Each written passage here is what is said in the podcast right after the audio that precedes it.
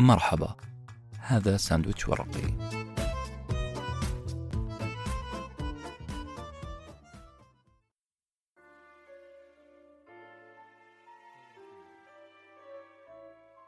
سألت مرة أصدقائي ما هو أغرب اختراع مر على البشرية؟ الإجابات تعددت بين المركبة الفضائية، الساعة المائية، الأشعة السينية. قاطعتهم بكل جدية وقلت: أبدا. أغرب اختراع مر على البشرية هو منبه الساعة. لأنه منبه الساعة ببساطة يحكي لنا قصة البشرية بكل اختصار. قصة حضارة اخترعت جهاز يساعدنا على الاستيقاظ قسرا لأننا لا نستطيع الاستيقاظ بشكل طبيعي. حلقة اليوم بعنوان ثورة النوم عن كتاب اسمه The Sleep Revolution للكاتبة الأمريكية من أصل يوناني أريانا هافينغتون كتب النص وألقاه على مسامعكم أنس بن حسين. قام بتنفيذ المونتاج الصوتي فريق نوتة ورقية.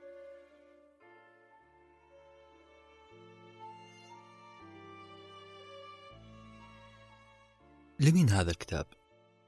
الكتاب تقريبا موجه للناس الطموحة الناس اللي تتبنى مبدأ أنه النوم معادل لكلمة إنتاج أقل الناس اللي ترى النوم ترف. أو إفراط في نعمة اليقظة.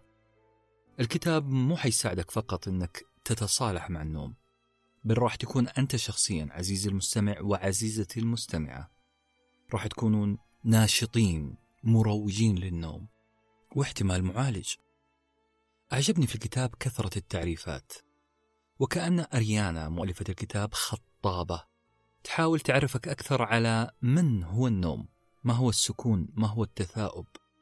كل شيء له علاقة في النوم ضمته دفتي هذا الكتاب هذه التعاريف اللي ذكرتها أريانا فيها صور قوية إحصائيات تخليك تعرف سلوك الظاهرة سلوك النوم وأثر هذه الظاهرة علينا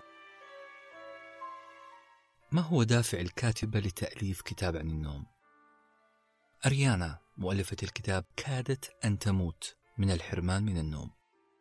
تربت أريانا الصغيرة في شقة من غرفة نوم واحدة في أثينا عاصمة اليونان عندما كانت أمها وأختها يشاركونها هذه الغرفة. وكانت أكبر مهارة اكتسبوها في هذه الظروف الصعبة هي المشي على أطراف الأصابع وعدم إصدار همس حتى لا يستيقظ أحد كان تخاطبهم تقريبا تحت الموجات السمعية وإلا فستستيقظ إحدى النائمات في الغرفة تقول أريانا لو كنت بذاكر فمكاني بين القدور والصحون في المطبخ لأن أختي نايمة ونور الغرفة ممكن يزعجها. باختصار تقول أريانا أمي بطبيعتها القروية وخلفيتها الثقافية اليونانية الأصيلة عاملت النوم كشيء مقدس. هكذا أجبرت على النوم أو على الأقل احترام النوم. تكمل أريانا قائلة لكن بعد انتقالي للندن وعملي في جامعة كامبريدج. بدأت أطور عاداتي المكتسبة في عدم النوم في احترام اليقظة. السبب الرئيسي في هذه العادة العادة المكتسبة هو حالة أعيشها أنا وأنتم جميعا. حالة اسمها FOFM FOMO وهي اختصار لعبارة Fear of Missing Out ومعناها الخوف من تفويت شيء ما. ما أبغى شيء يفوتني. ما أبغى يومي يضيع في النوم. وهذا هدف نبيل هدف جميل جدا. أبغى أنجز. أبغى أعيش الحياة. ولأنه هذا الهدف النبيل هو بنفسه مشكلة المشاكل في حياتنا اليومية. عشان هذا السبب قلنا أن الكتاب للناس الطموحة فقط. الناس اللي تعشق اليقظة تقول أريانا كنت قد عدت إلى المنزل في أحد أيام شهر إبريل 2007 عدت لآخذ ابنتي كريستينا. كريستينا كانت أيامها طالبة في الثانوي. أريانا أخذت ابنتها كريستينا في رحلة إلى الجامعة الجامعة اللي متوقع أن تدرس فيها كريستينا. تقول أريانا كنت قد نويت. أني أعطي ابنتي وقت كافي خلال أيام زيارتنا للمدينة اللي فيها الجامعة. بعطيها وقت أني أسهر معاها أعيش معاها أقضي وقت معاها. ورغم كذا كنت وبعد أن تنام ابنتي كريستينا أشعل المصباح وأبدأ في العمل. كل ليلة كنت أرجع أنا وبنتي للفندق منهكتين. هي تنام وأنا أبقى مستيقظة. أعمل وأعمل وأعمل. أرد على مئات الإيميلات. أكمل عشرات التدوينات. أنجز باقي التقارير. وهكذا إلى الساعة الثالثة صباحا. بالأصح إلى أن تقفل عيناي قسرا. أنام ثلاث ساعات وأستيقظ لأبدأ رحلة اليوم الجديد. تقول أريانا لا أريد أن أحدثكم عن دراما فالحياة بهذه الطريقة كانت حياة عظيمة. نعم عظيمة. كنت أنجز فعلا وكنت أقطف ثمار هذا النظام نظام السهر. إلى أن قطفت ثمرة مسمومة. انتهت رحلة أريانا وبنتها. عادوا إلى مدينتهم. بدلا من أن تأخذ أريانا قسطا من الراحة أخذت أغراضها وراحت للسي إن إن عشان تعمل لقاء في مقر القناة. تقول أريانا لا أعلم لماذا قلت نعم. ليه قلت نعم؟ لقناة سي إن إن وأنا مرهقة جدا. درجة التعب كانت ملاحظة على وجهي واضحة وضوح الشمس. كنت وقتها لا أستطيع أن أتذكر الأسماء وإحساسي بكل شيء كان ضعيف جدا. وكأني مخمورة. اختصرتها أريانا وقالت كنت ذلك اليوم؟ أمشي نائمة. بعد المقابلة عدت للمكتب. نعم عدت للمكتب؟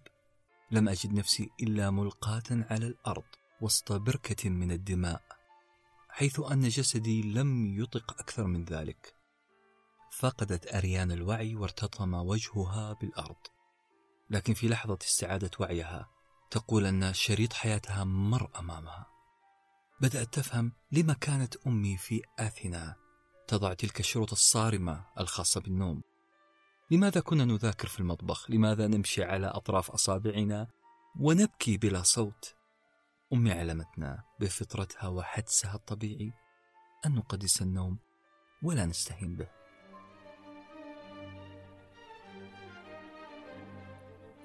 إذا كنت تعتقد عزيزي المستمع والمستمعة أننا لا نكترث للنوم فأحب أزودك ببعض الإحصائيات.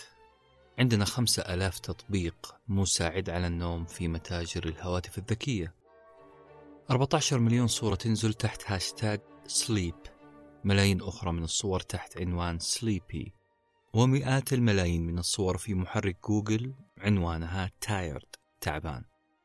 غير كذا يا جماعة انتبهوا لكلامنا. فلا تخلو جلسة من جلساتنا من واحد يشتكي من النوم. شخص آخر يشتكي لك إنه ما نام إلا ساعتين. كل هذه الأشياء لها معنى واحد. إنه موضوع النوم والحاجة إلى النوم مو بس مزروع في عقلنا الباطن. لا هو موضوع مغروس في عقلنا الواعي المفكر وعلى ألسنتنا. المفارقة أنه رغم اهتمامنا بالنوم ورغم أننا نعيش عصر يعتبر الأفضل في معرفتنا بنظريات وتفسيرات وشروحات النوم إلا أننا نعيش أسوأ عصورنا مع هذا النوم. أحد الأسباب الرئيسية هي التكنولوجيا ما فيها تفاهم. السبب ببساطة إننا نقدر وبسهولة أن نرخي ستائر غرفنا ونمنع النور لكن صعب جدا أن نرخي ستائر أجهزتنا الذكية. المشكلة عالمية. في نيويورك، موسكو، مدريد، أثينا، الرياض، القاهرة، الرباط في كل مكان مشكلة الأرق والسهر. المشكلة اللي يعاني منها كل سكان الأرض. هو تفكيرهم في النوم بمنطق التجار بمنطق رواد الأعمال. إحنا نحسب عادة الداخل في التصنيع والإنتاج. فعندما أجد إنتاجي ضعيف أحاول أن أحسن في مكونات الإنتاج في الداخل في الإنتاج. الوقت هو أحد الأشياء الداخلة في الإنتاج. أجد نفسي محتاج مزيد من الوقت. لذلك وببساطة ما أفعله هو ما يفعله أي رئيس مجلس إدارة. أنا أزيد وقت الإنتاج. وذلك بالاقتطاع من وقت النوم. نعم النوم هنا عاملناه وكأنه مكون من مكونات عملية الإنتاج. لم نعامله كشيء مقدس كما فعلت والدة أريانا. أنا من الناس اللي اقتطع من النوم الشيء الكثير. نجحت في جعل النوم مجرد ترف في حياتي مجرد سويعات أغمض فيها عيني لأستطيع أن أستيقظ وأعمل أكثر وأنتج أكثر. كادت أن تنجح هذه الخطة لولا أنني رزقت بابنة ثانية. كان هذا كلام أريانا. تقول أن النوم في تلك الفترة أصبح له معنى واحد فقط. هو أخذ وقت مهم من حياتي. كنت أستطيع أن أصرفه في الاهتمام بابنتي الثانية. أوه هذا اللي حصل. النوم لص يسرق وقت أبنائي. هذا ما اعتقدته أريانا لكن الحقيقة شيء ثاني. الحقيقة أن أريانا كانت تقتطع جزء من حياتها جزء من كينونتها وصحتها وعقلها. وصلت أريانا لنوع من الحياة اللي يسموه حياة لا حاجة للنوم فيها. هل رن هذا المصطلح جرس في عقلك؟ هل تذكرت حالة أصبحت حياتك لا حاجة فيها للنوم؟ أريانا وصلت لقناعة أنها ما تحتاج نوم كثير. هذا هو قدرها وهذه هي الحياة. وقت النوم الترفي كما سمته أريانا. كان لممارسة أعمال يقظة أهم وهذه معضلة النوم الحقيقية. الوعي. إن وعينا لازم يكون أرقى من كذا. وعي بماهية النوم بالنسبة لنا. كم تمثل أهميته؟ أين هو في سلم الأولويات؟ ومع هذه الكلمات قدمت لنا أريانا أول كبسولة هدوء وقالت أعيدوا النظر في مفهوم وأهمية النوم في حياتكم. وهنا نحط فاصلة. لأننا ما انتهينا من كورس الهدوء الطويل اللي أمتعتنا فيه أريانا.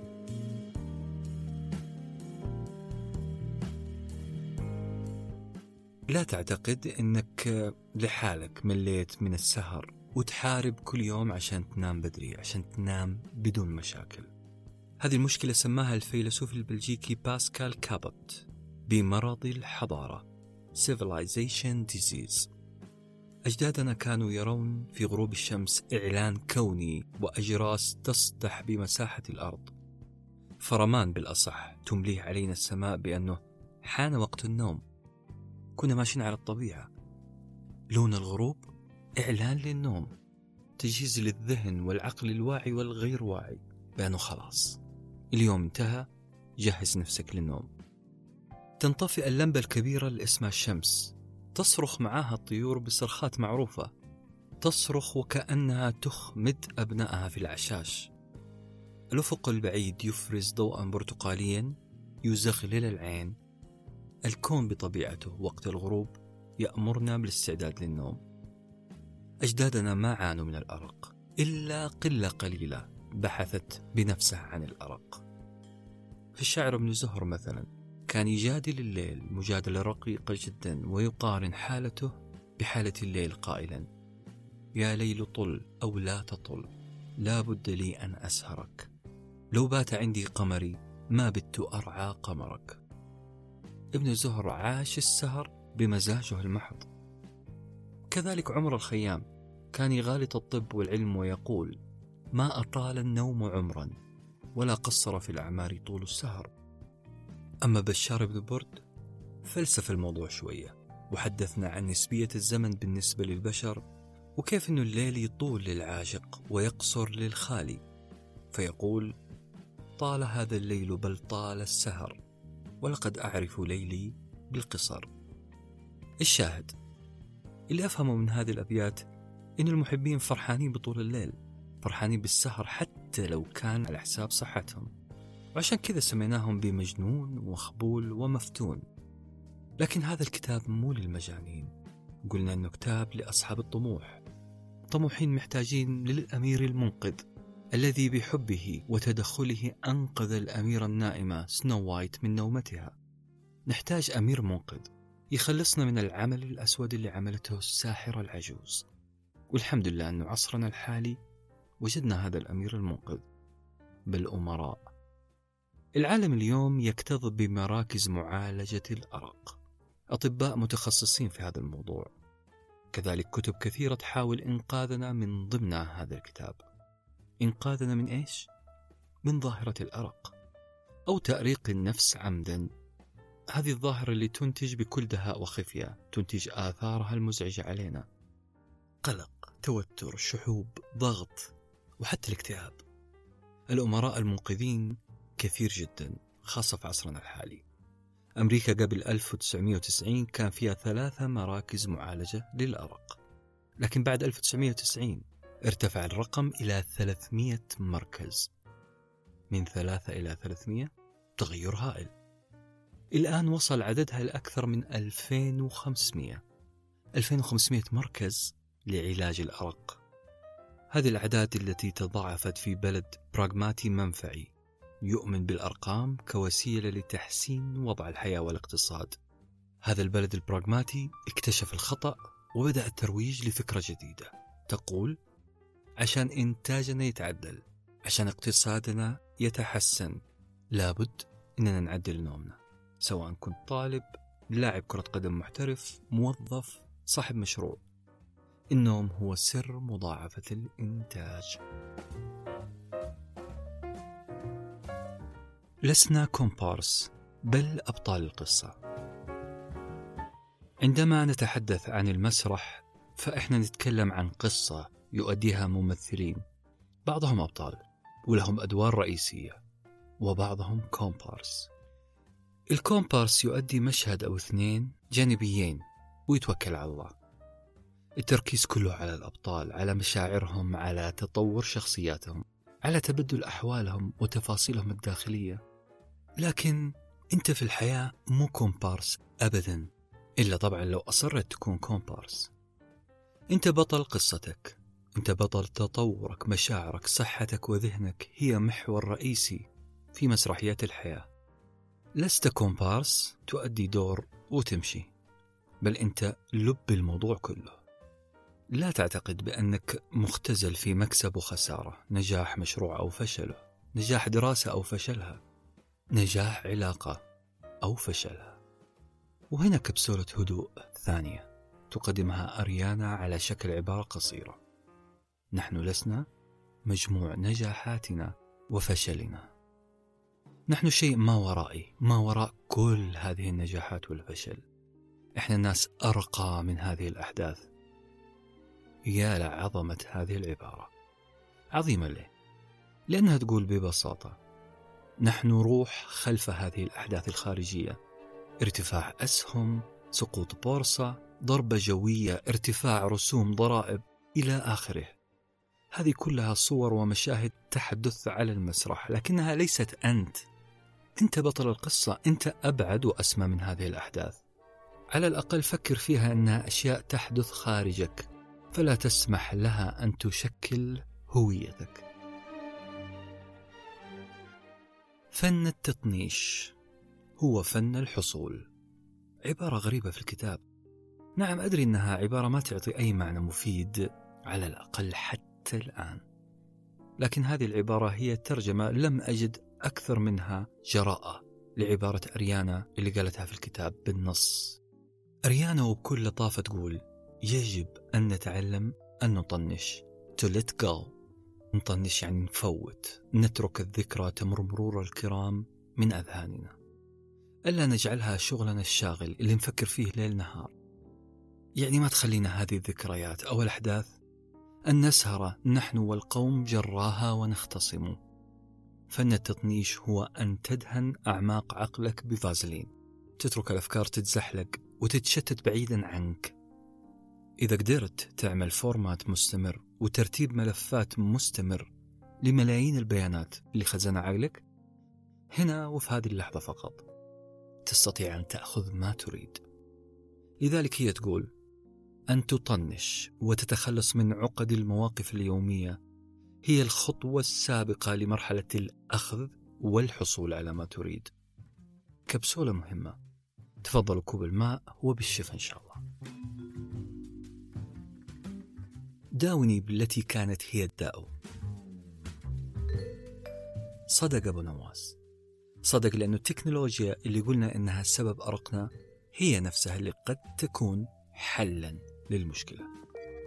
الجوال هو سبب أرقنا لكن في ألف وسيلة أخرى في هذا الجهاز الصغير ألف أداة أخرى تساعدنا في معركة التغلب على الأرق. كل ما نحتاجه هو وعي إرادة وإدارة التغيير في حياتنا. هذا الكلام ما هو كليشة هذا الكلام واقعي وقاعد يصير الآن. الفنادق مثلا صارت أشبه بمعابد نقوم فيها بتقديس النوم.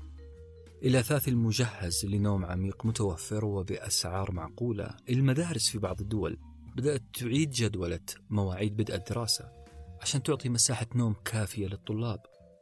الأجهزة اللي تتابع انتظام نومنا والأسرة الذكية المساعدة على النوم كلها تحتاج منا نظرة عميقة وإدارة صحيحة. والأهم من هذا كله إننا نحتاج دليل عملي لتعديل نمط حياتنا. وأحد هذه الأدلة هو كتاب اليوم. والبودكاست طبعا. قصة مؤلمة عن كارثة عدم النوم. أحب أذكر المستمعين لا يغني هذا البودكاست عن قراءة الكتاب. الكتاب بلا مبالغة مرجع لكل من يريد أن يفهم ما هو النوم وما هو الأرق. لذلك هذه المادة appetizers فقط للكتاب أو على الأقل تسليط ضوء. على تجربة قارئ مع الكتاب. نرجع لقصتنا. جوبتا جوبتا هو اسم إنسان. بالأصح هو محلل مالي غير عادي في شركة مصرفية ضخمة في سان فرانسيسكو. محلل عظيم رجل يقسم الجميع بعصاميته. في 2015 بالتحديد في شهر مارس قرر هذا الرجل وعن طيب خاطر أنه يستقيل. طبعا كون ثروة جيدة وقال خلاص كفاية شغل. لكن الله يسامحهم المقربين من حوله ضغطوا عليه للرجوع للعمل. لسه باقي لك وقت؟ عيش حياتك في العمل. وطبيعي إنهم ينصحوا هذه النصيحة الرجل لا زال شاب والرجل كان يدر على نفسه وعلى من حوله. ذهب. الشاهد. جوبتا رجع للعمل وبعد أسبوع بالضبط والساعة 42 دقيقة صباحا. اتصل جوبتا على والده. وقال له بالحرف الواحد. يا والدي العزيز أنا تعبان. ماني قادر أنام. تخيلوا ابن يصحي والده من النوم ويقول له أنا تعبان. شيء مخيف. قلب الأب صرخ قبل لسانه وقال ارجع البيت ونام. توقف عن العمل الآن. لكن يبدو أن جوبتا اتصل على والده عشان يفضفض بس. كان تعبان فعلا ولكن عنده برزنتيشن اليوم الثاني. كان لازم ينهي هذه المهمة في تلك الليلة. ضغط جوبتا على نفسه. وأكمل تصميم البرزنتيشن والحمد لله. لكن بعد ساعتين من مكالمة والده كان جسد جوبتا الجميل ساكن تماما. كان ساكن في نومة عميقة. المشكلة إن النومة كانت في وسط الشارع. جوبتا كان جثة هامدة على أرض الشارع. بالضبط أمام نافذة مكتبه. جوبتا رمى نفسه من النافذة. جوبتا انتحر.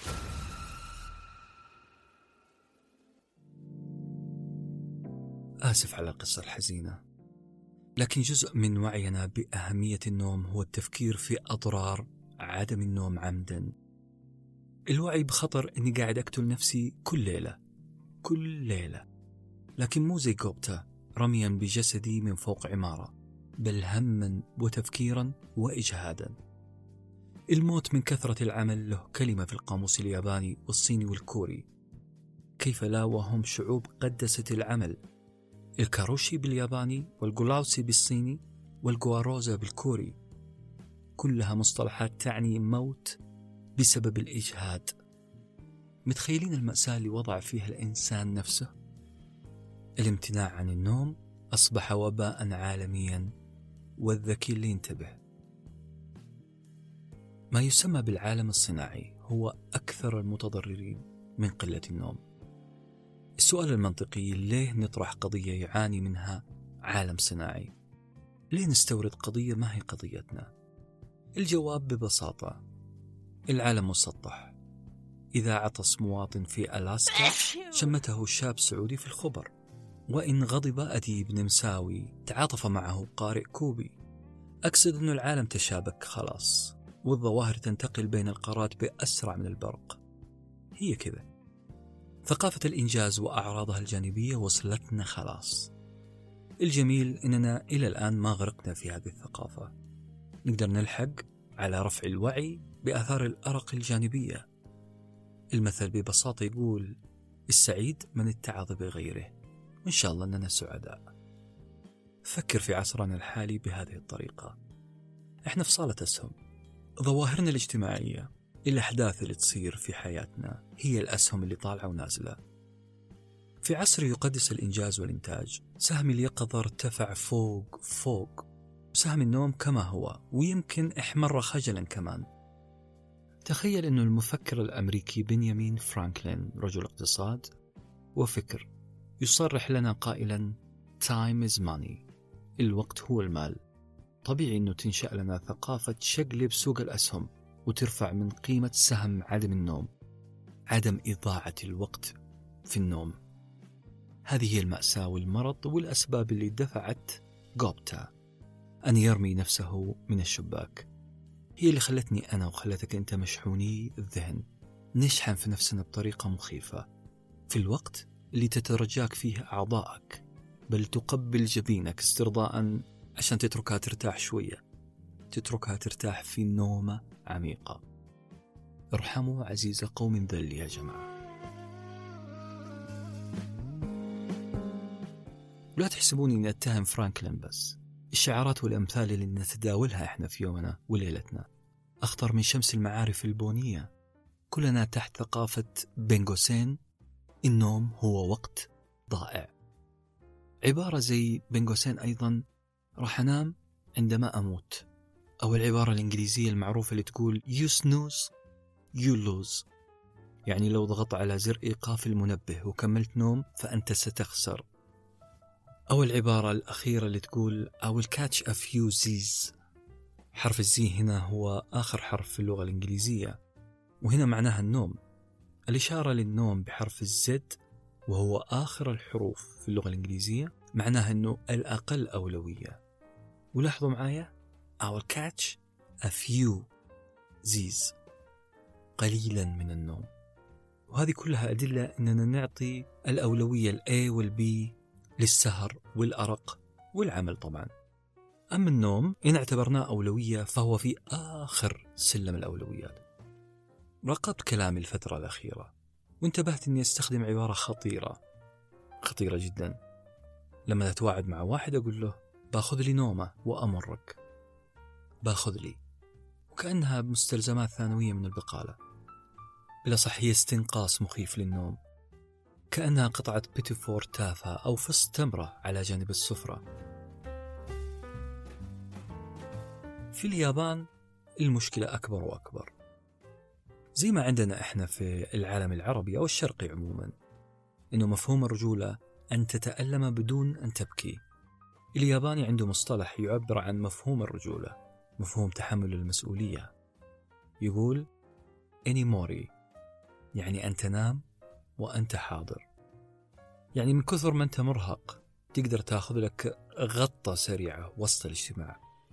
النوم وسط الاجتماع هو دليل رجولة وتحمل مسؤولية عند اليابانيين. الناس حتنظر لك بإعجاب. إنك حيغمى عليك تعبا وسط اجتماع. عش رجبا تلقى عجبا. لذلك أنا أطالب مع أريانا أننا نلغي شهر رجب ونوقف العجب.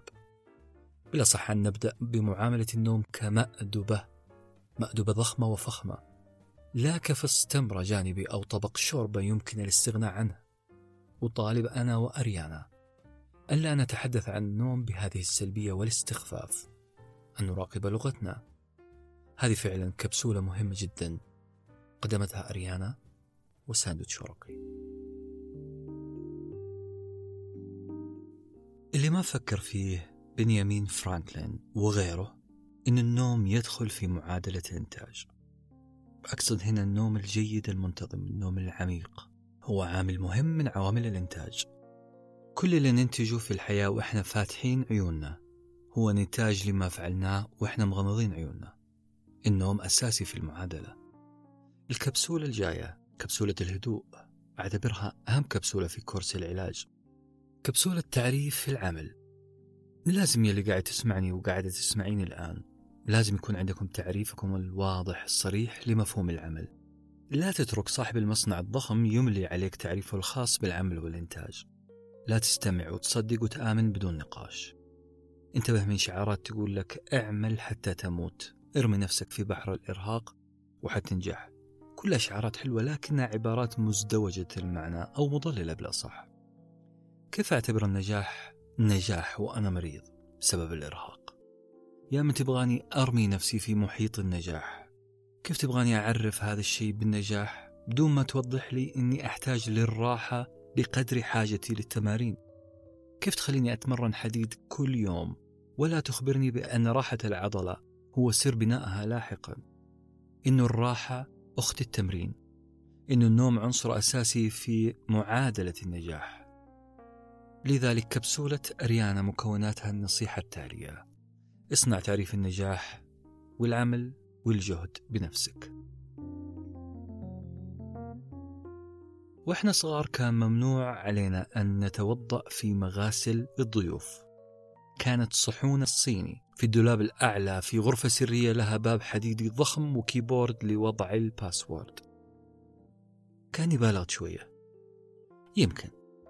لكن الحقيقة أننا كنا نهتم بالضيوف زي كل بيوت العرب. كرم الضيافة من شيء من العربية الأصيلة ولا نقص في الشعوب الثانية. نقدم للضيوف أفضل الأشياء نلبس أحلى اللبس نخرج من الصندوق السحري أنواع العود والبخور. عندنا إتيكيت عظيم للاحتفاء بالضيف إلا أننا أبخل ما يمكن في احتفاءنا بالضيف اليومي الضيف الحيي الخجول. الضيف الوحيد اللي زيارته لنا بفائدة عظيمة لنا إحنا. إحنا بخيلين في استقبال النوم والدليل ما يحدث داخل غرف نومنا. غرف نومنا هي مرتع لكل ملاهي الدنيا. أولا لو في جهاز بأشعة معينة يكشف لنا موجات الصوت وما تحت الصوت اللي تتحرك داخل غرفنا لأصابنا الهلع. غرف نومنا عبارة عن رنة جرس واتساب ست رسائل متتالية على تويتر جرس الإيميل موجات كهرومغناطيسية اتصالات تليفونية؟ أضف إلى هذا التلوث الموجي تلوث بصري. الملابس نصها خارج الدولاب العطور وأغراض التجميل متساقطة على بعض في منظر خليع. هواء الغرفة هو نفسه ما يتغير من شهر مضى. طبيعي أنه يغضب ضيفك ضيفك اللي هو النوم. طبيعي أن يخرج بلا رجعة قريبة. الأسوأ يا جماعة مو الموجات ولا التلوث السمعي ولا البصري. المشكلة في التلوث الذهني. خذوا هذا المصطلح هدية من عندنا تلوث ذهني.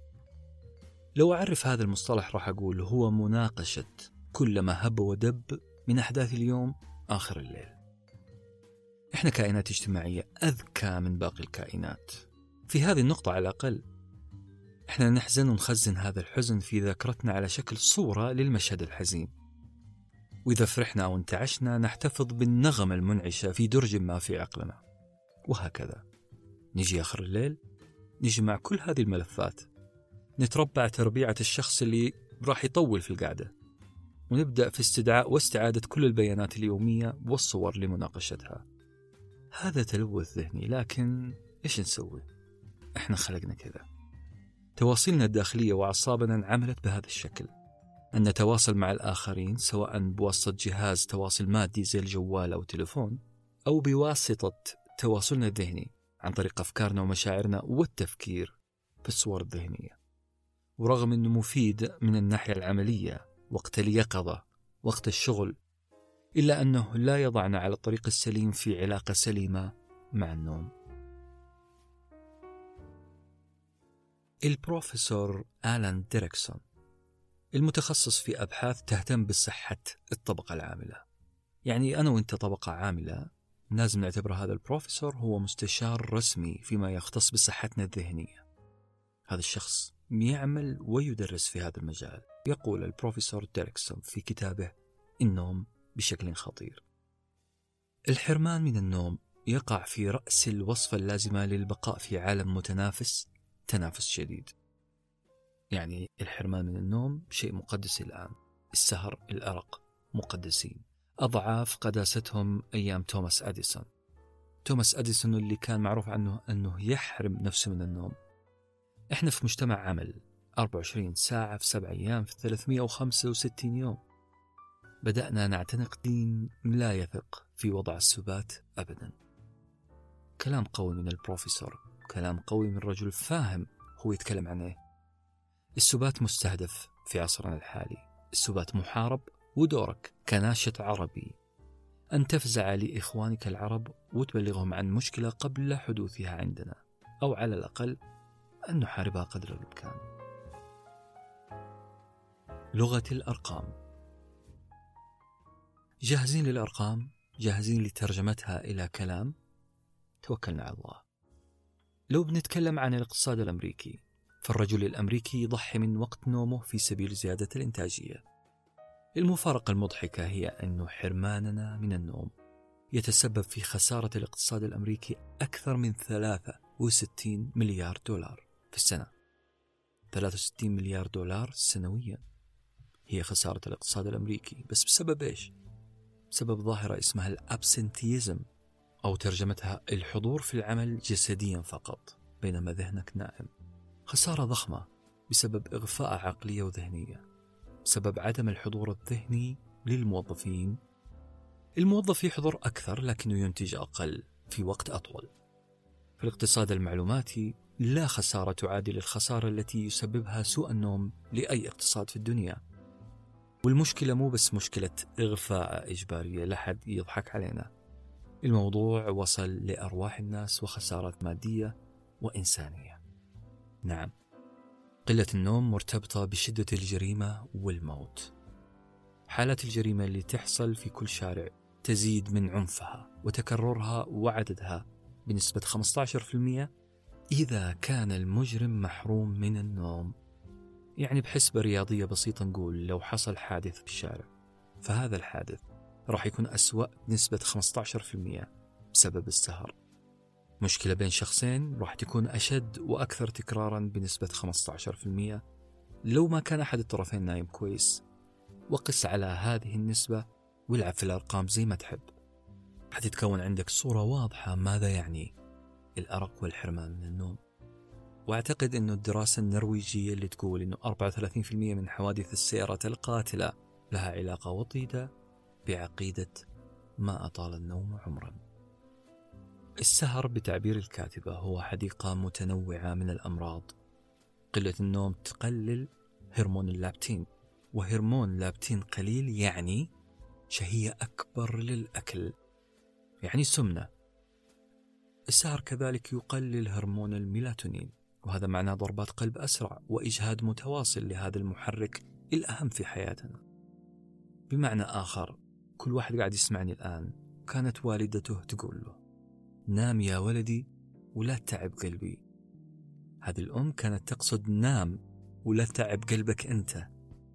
أولا لأنه قلب الأم وقلب ولدها واحد. وثانيا حرفيا أنت قاعد تجهد نفسك تجهد قلبك الصغير بالسهر. قلبك الصغير الذي لا يتحمل. لسه منتظرين مني بعض الأرقام؟ طيب خذوا هذا الرقم الغريب.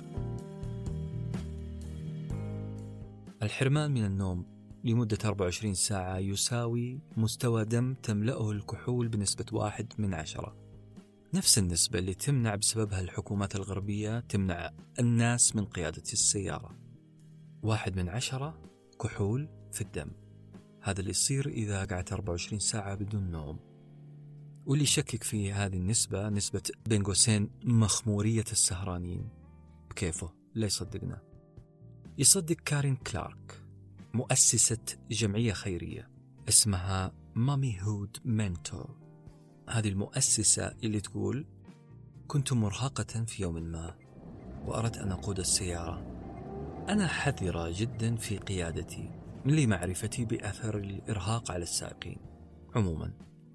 في ذلك اليوم بالذات أنا أشكر الله أن الشوارع ما كانت زحمة لأنه حصل شيء غريب.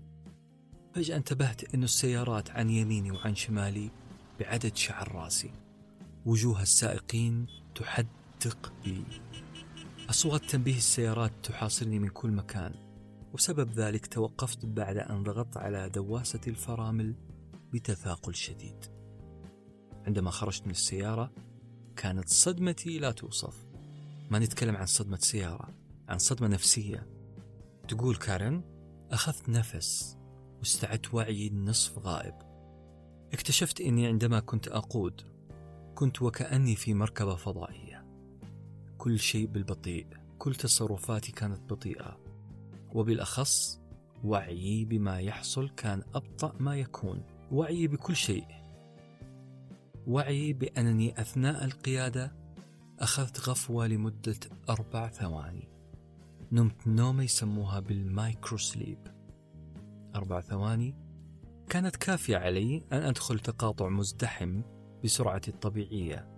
أربع ثواني هدت فيها مجموعة من السيارات في ذلك التقاطع وكدت أن أفتك بكل شيء حي في طريقي. إن كانت كلارك لها تجربة سيئة بسيارتها سيارتها الصغيرة. فسائقي الشاحنات لهم تجارب مروعة. أمريكا فيها 2 مليون سائق شاحنة. أبغاكم وقت ما أنتم فاضيين. تقرؤون قصة كاتب مسرحي اسمه رون وود. R O N وود. W O D هذا الكاتب اللي قاد حملة شعواء لوضع قوانين أكثر صرامة لقيادة الشاحنات. وهذه حملة ممتازة لكن ما جات من فراغ. السبب في حماس رون وود هو حادث مؤسف ضحيته والدته وأخته وابنتها. كان المجرم فيها سائق شاحنة لم يتوقف عن قيادة شاحنته لمدة يوم ونصف متواصلة. سلمكم الله جميعا من أي مكروه. كل شيء في الحياة تم التنظير حوله إلا النوم ما أخذ حقه الكافي من البحث والتوعية. وهذا السبب اللي خلانا نختار الكتاب. إنه قضية مهمة لكن بسبب بديهيتها نتكاسل في كل المجتمعات عن التوعية به. الإنسان النائم إنسان هائم ممكن يعمل أي شيء.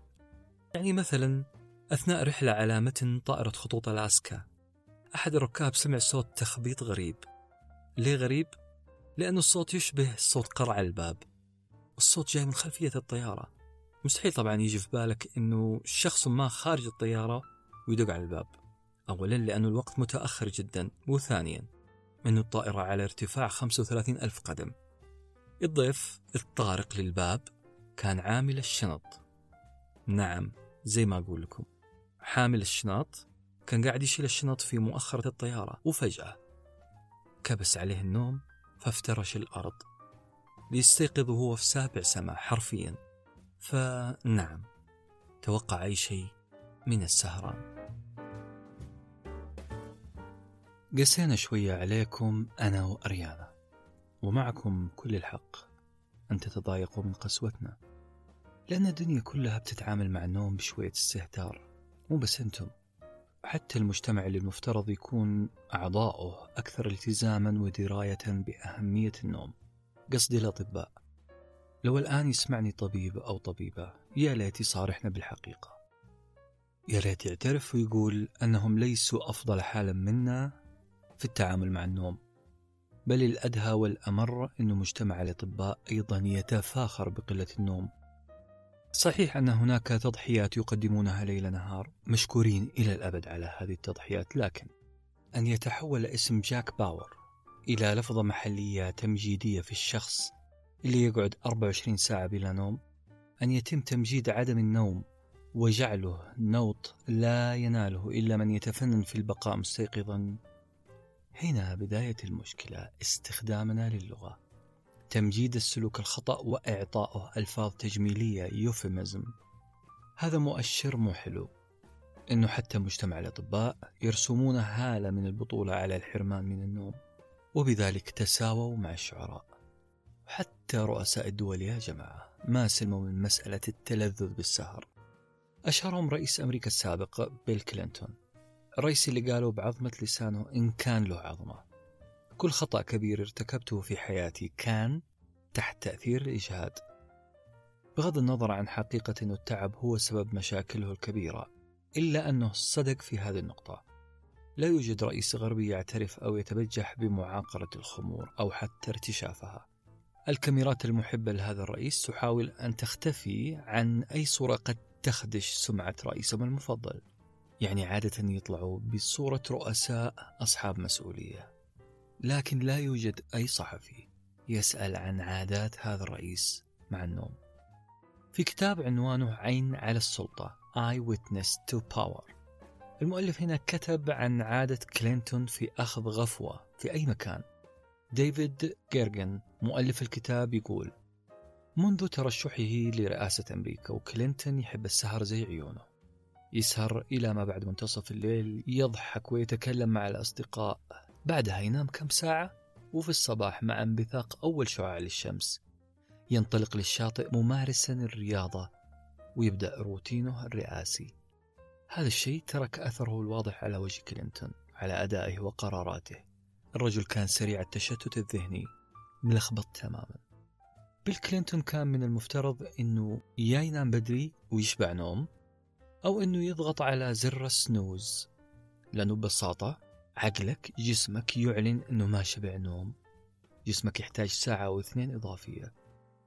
الغلطة مو ضغطة زر السنوز كلنا نسويها. الغلطة. إنك تعاني طول أيامك وتمارس نفس الغلطة يوميا. واحدة من كليشات الحملات الانتخابية الأمريكية الطريفة هي هل تريد أن يكون هذا الشخص وقصدهم على المرشح؟ هل تثق في هذا الشخص؟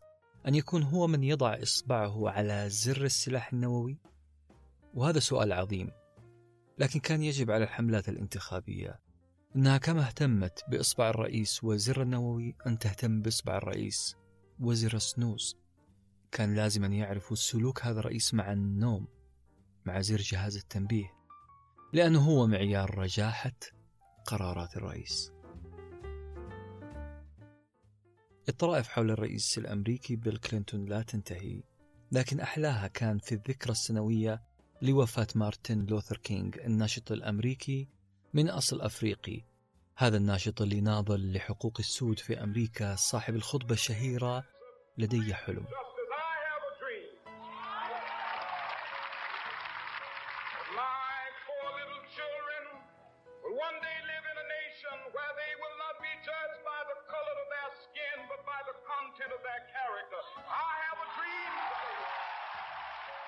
لدي حلم بأنه في يوم من الأيام سوف تنهض دولتنا وتحيي المعنى الحقيقي لعقيدتها فتقول أننا نلتزم بهذه الحقائق لتكون بينة بأن الجميع خلقوا متساوين.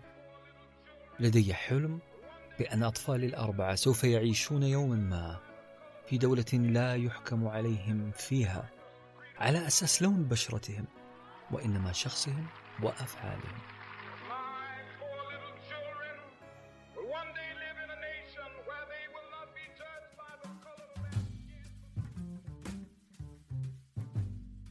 بيل كلينتون حضر متكرما هذا الاجتماع. طبعا اعترافا منه بأنه مؤيد للقضية والعدالة والمساواة. حضر لتكريم جميل لصاحب عبارة لدي حلم. لكن للأسف أنه بيل كلينتون كان منهك جدا. ميل على جنب وأخذ غفوته المعتادة وسط الاجتماع. لكن هذه المرة كاميرات الصحفيين صادته. ونزل مانشيت في جريدة أمريكية بعنوان عريض يقول كلينتون لديه حلم. وهذا كلام أعتقد أنه صادق وحرفي. كتاب ثورة النوم. كتاب لغته بسيطة وهذه من الأشياء اللي أعجبتني جدا فيه. لو كانت من مسؤولياتي لجعلته كتاب مدرسي لتعليم اللغة الإنجليزية لطلاب المدارس. الجمل سهلة التركيب والمجاز قليل جدا وحتى القليل هذا في مكانه. لكن استخدامه للمصطلحات الجديدة كان ملفت للنظر. أريان استخدمت مصطلح دائرة القهوة وهي دائرة وهمية دائرة نفسية. هي دائرة لعينة يشعر فيها الشخص بأنه مرهق فيشرب قهوة عشان يصحصح. رغم القهوة جسد هذا الشخص منهك لكن عقله صاحي عقله يرفض النوم. الجسم يستهلك طاقة أكبر عشان يبقى متماسك. فيزداد انهاكا فيطلب مزيدا من الكافيين وهكذا. دائرة لا تنتهي. ومصطلح جميل دائرة القهوة. مصطلح معبد النوم. تقصد فيها أريانا أنه البيئة المناسبة للنوم. غرفة نومك يعني لكن بعد إجراء قليل من التغييرات المستمرة. هذه الإجراءات مو بس لأنها بيئة مهيئة للنوم بل لأنها بيئة تحمل نوعا من التقديس كتقديس الفراعنة للنوم. الفراعنة كانوا يعتبروا النوم عبور لعالم علوي. تجاوب فيه الأسئلة الوجودية اللي تنهش جسد وعقل الإنسان. الكتاب فيه ميزة ثانية كمان غير اللغة البسيطة والجديدة. ميزة المقاربة باستخدام كلمات تصويرية. يعني أريانا في كلامها عن تاريخ النوم تقول النوم كان امتياز الملوك والمتدينين. نعم امتياز يتفاخر ويتباهى به علية القوم برستيج. النوم كان ميزة يتفشخر بها الناس والسبب أنه الحصول على نوم فاخر كان يحتاج مستوى حياة فاخر. كان الناس يبحثون عن النوم كما نبحث اليوم عن اليخت والفيراري النوم العميق الفاخر. النوم كان جسر الوصول إلى عالم أكبر من الأرض ومن عليها. كان غذاء روحي في مطعم خمس نجوم. مثل هذه التعبيرات اللي استخدمتها أريانا تذهلك وتجعل كتابا علميا عن النوم هو كتاب أشبه بالأدب الظريف. الميزة الثالثة هي ميزة خفية شوية لها علاقة بهوية الكاتبة. لو كنت عزيزي المستمع والمستمعة تعودت على قراءة كتب التطوير تطوير الذات أو كتب علم الاجتماع أو علم النفس. فقد تكون قد تعودت على نمط الكتابة الساخر والجاد في نفس الوقت. الأسلوب الأمريكي اللي فيه punch line فيه لكمة في نهاية كل paragraph لكن أريانا أصلها يوناني. واضح جدا تأثر كتابتها كأسلوب بطريقة أجدادها اليونانيين. كثيرا ما ذكرت استشهادات واقتباسات من حضارة الإغريق والرومان. يعني بالعربي. أنت حتقرأ كتاب بالإنجليزي لكن أسلوبه وطريقة طرحه وبعض الاستشهادات يونانية النكهة. عجبني شخصيا هذا الشيء في الكتاب وكنت أحكي لمن أقابل عن هذه الميزة. إلى أن لفت نظري سؤال من أحد الزملاء اللي قاعد أتكلم معهم حين قال ما الفرق بين الإغريق والرومان؟ أعتقد من واجب صديقي علي أني أجاوبه الآن عن الفرق بين الإغريق والرومان. هل نقول الرومان واليونان ولا اليونان والرومان؟ يعني نذكر مين أول. هذا يعتمد عليك. يعتمد على معيارك في الأسبقية. إذا تحب تكون الأسبقية الزمنية فتبدأ بكلمة اليونان لأن حضارة اليونان سبقت حضارة الرومان. اليونان أو الإغريق هم شعب عاش في أثينا وما حولها. حضارتهم تسمى العصر الهيليني من تاريخ 750 إلى 146 قبل الميلاد. لكن الرومان أحدث شوية. هي إمبراطورية. مركزها روما من سنة 510 قبل الميلاد وحتى القرن الأول الميلادي. بالتالي نقدر نقول تاريخيا الإغريق اليونانيين سبق الرومان بفترة بسيطة شوية. لكن لو كانت الأسبقية عندك للفن فاحتمال كبير أنك تضع الرومان قبل اليونان. الرومان كان فنهم جميل واقعي أكثر. أما اليونانيين الإغريق فمثاليتهم الزائدة. خلتهم يصنعوا تماثيل فيها شيء من الكمال البشري. الرومان لا. الرومان كانوا طبيعيين في فنهم وواقعيين. يعني إيش الكلام ذا؟ يعني يصوروا لك الشخصية في التماثيل واللوحات كما هي. إذا عين أكبر من عين إذا ضربت سكينة في الوجه أو إذا البطل كان عنده كرش. طبيعي تلقاها في الفن الروماني وما تجدها عند الإغريق. وأخيرا إذا كانت الأسبقية عندك للضبط السياسي والحكومي. فالإمبراطورية الرومانية كانت دولة قوية موحدة. استمرت لمدة 500 سنة. أما الإغريق فكانوا ولايات. ولايات أقصد فيها أنه ما لها حكومة مركزية. كل ولاية دولة منفصلة. إلى أن استولى الإسكندر القادم من مقدونيا على الحكم. وحد هذه الولايات في دولة قوية. لذلك نقول أنه كفة الرومان سياسيا وإداريا أقوى من الإغريق.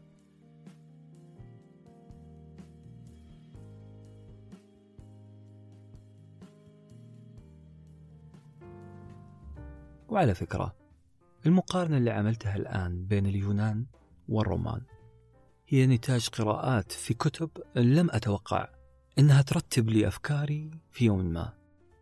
كتب كانت تنعت أمامي بأنها من سقط المتاع. كانت تنعت أحيانا بأنها كتب استهلاكية. من الواجب ألا يقتنيها أي شخص عاقل. وهنا أحب أسجل ملاحظة بسيطة. معظم النار من مستصغر الشرر. لو كنت أنا سابقا منعت أو اقتنعت بعدم جدوى القراءة في الكتب التي يعتبرها البعض تافهة. لكنت أضعت على نفسي فرصة مهمة فرصة بناء طبقة مهمة في عقلي. طبقة مهمة أصعد عليها لقراءة شيء أوسع عن نفس الموضوع. لا أزال أتذكر كتاب تافه كما كان يقال لي اشترته لي أختي من مكتبة إنجليزية. كتاب مستعمل كتاب معاد التجليد كتاب كان مغلف بورق نايلون بطريقة جعلته يبدو مرتبا وجديدا. الكتاب هذا كان مليان صور وتعليقات قصيرة تحت كل صورة. يتحدث كل الكتاب عن الأنظمة السياسية منذ بدء الخليقة إلى يومنا هذا. يعني أسئلة زي ما معنى إمبراطورية؟ كيف بدأت النظم الشمولية؟ كيف بدأت الديمقراطية والرأسمالية؟ وكيف هاجت عليها الماركسية؟ طبقة البروليتاريا البروكوازية و و و. لا أزال أذكر تماما في هذا الكتاب صورة لملك أوروبي يجلس على رأس طاولة مستطيلة ضخمة. على يمينه أشخاص كبار سن شوية. الشعر المستعار اللي يلبسونه عادة مصفف بطريقة مزعجة جامدين. أيديهم راكزة بالأسفل. نظراتهم فيها استعلاء. على يسار الملك الشباب فاتحين أزرار القميص. شعورهم ثائرة فوق أكتافهم وأصواتهم من خلال الصورة طبعا. تتعالى طلبا في التغيير. تحت هذه الصورة تعليق بسيط. يشرح مفهوم اليمين واليسار في أي بلد. هذه الصورة علقت في ذهني من 1998 وحتى اليوم. من ذلك التاريخ وأنا أبني سكيمة. سكيمة عن درجات اليمين ودرجات اليسار في أي حكومة. معلومات فوق معلومات فوق معلومات. كلها عن فكرة اليمين واليسار مع كل فروعها وظلالها. لولا كتاب البنغوسين التافه لما وضعت اللبنة الأولى اللي بني عليها كل ذلك. فلذلك اقتراحي أن تبحث عن أي إنسان أهداك كتاب أو الإنسان اللي ما استخف بقراءتك. أعطي نظرة في العين وقول له شكرا من كل قلبي. شكرا على مساعدتي على القراءة. شكرا على مساعدتي في بناء السكيما.